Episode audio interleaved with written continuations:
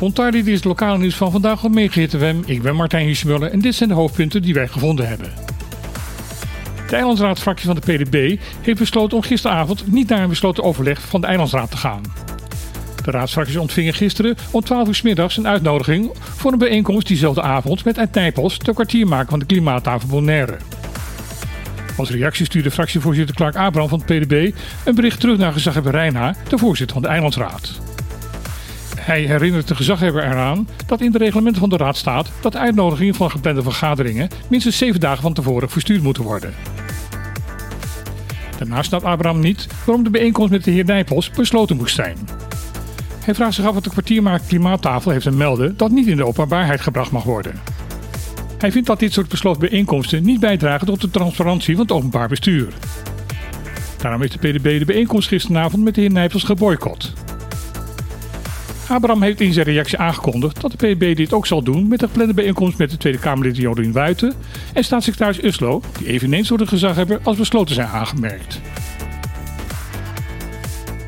In 2022 zijn er op Bonaire 722 katten en honden gesteriliseerd en gecastreerd. Dit is het hoogste aantal in een jaar sinds het gratis sterilisatieprogramma in 2004 van start is gegaan. Dat weet Stichting Animal Shelter Bonaire te melden op Facebook. De organisatie streeft ernaar om ook van 2023 een recordjaar te maken om zo een belangrijke bijdrage te leveren in de strijd tegen de overbevolking van huisdieren op Bonaire.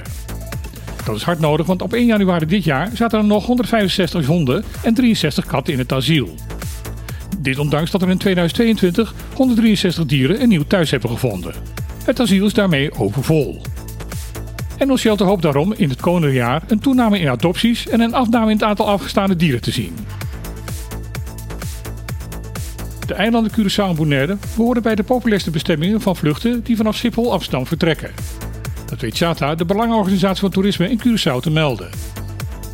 De twee Caribische eilanden zijn op dit moment populairder bij het vakantiepubliek dan voor de COVID-crisis. In vergelijking met 2019 is de hoeveelheid passagiers dat vanuit Amsterdam vertrekt met bestemming Curaçao gestegen met 19%. De hoeveelheid reizigers naar Bonaire zelfs met 59%. Chata constateert daarbij wel een probleem. De meeste passagiers naar de twee BC-eilanden hebben een zogenaamde pakketreis geboekt. Dat is een boeking waarbij vlucht en verblijf met elkaar worden gecombineerd. Met de prijs van dit soort reizen wordt momenteel enorm gestund. Wie een beetje zoekt kan op dit moment voor een prikkie een ticket samen met een hotel boeken. Omdat de vliegtuigmaatschappijen KLM en TUI toch aan een bepaalde omzet willen komen, worden daardoor de losse tickets steeds duurder. Tata constateert dat daardoor in sommige gevallen het goedkoper is om een pakketreis te kopen in plaats van een los vliegticket. Ook zegt de organisatie dat een vliegreis van Curaçao naar Amsterdam op dit moment een stuk duurder is dan een reis van Amsterdam naar Curaçao.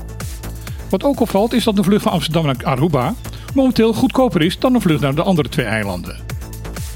Charter noemt deze gegevens een nieuwe uitdaging voor 2023. Staatssecretaris Alexander van Huffelen is vandaag aangekomen op Sint Maarten. Daar zal zij morgen en overmorgen met de premiers van de andere drie landen binnen het Koninkrijk overleggen over verdere samenwerking binnen het Koninkrijk. Een belangrijk onderwerp dat ter tafel zal komen is het zogenaamde democratisch tekort binnen het Koninkrijk. Hier wordt mee bedoeld dat binnen het Koninkrijk Nederland nog steeds meer in de melk te brokkelen heeft dan de landen Aruba, Curaçao en Sint Maarten. Uiteindelijk bepaalt in het geval van een conflict Nederland wat er gaat gebeuren. Dit probleem wordt versterkt omdat ondanks een aantal pogingen er nog steeds geen geschillenprotocol is vastgesteld binnen het Koninkrijk. Vanuit de Caribische landen wordt er al langer tegen geprotesteerd. Het probleem werd weer heel voelbaar rondom de leningen die Nederland aan de Caribische landen heeft gegeven tijdens de COVID-crisis. Het stelsel van voorwaarden en afspraken betreffende deze leningen is nog steeds niet vastgesteld doordat de Caribische landen zich klemgezet voelen door Nederland. Staatssecretaris Van Huffelen hoopt de komende dagen daar gezamenlijk een doorbraak in te vinden. Dit was weer lokaal nieuws van vandaag op Megahit FM. Ik wens iedereen nog een hele mooie dag en dan graag tot morgen.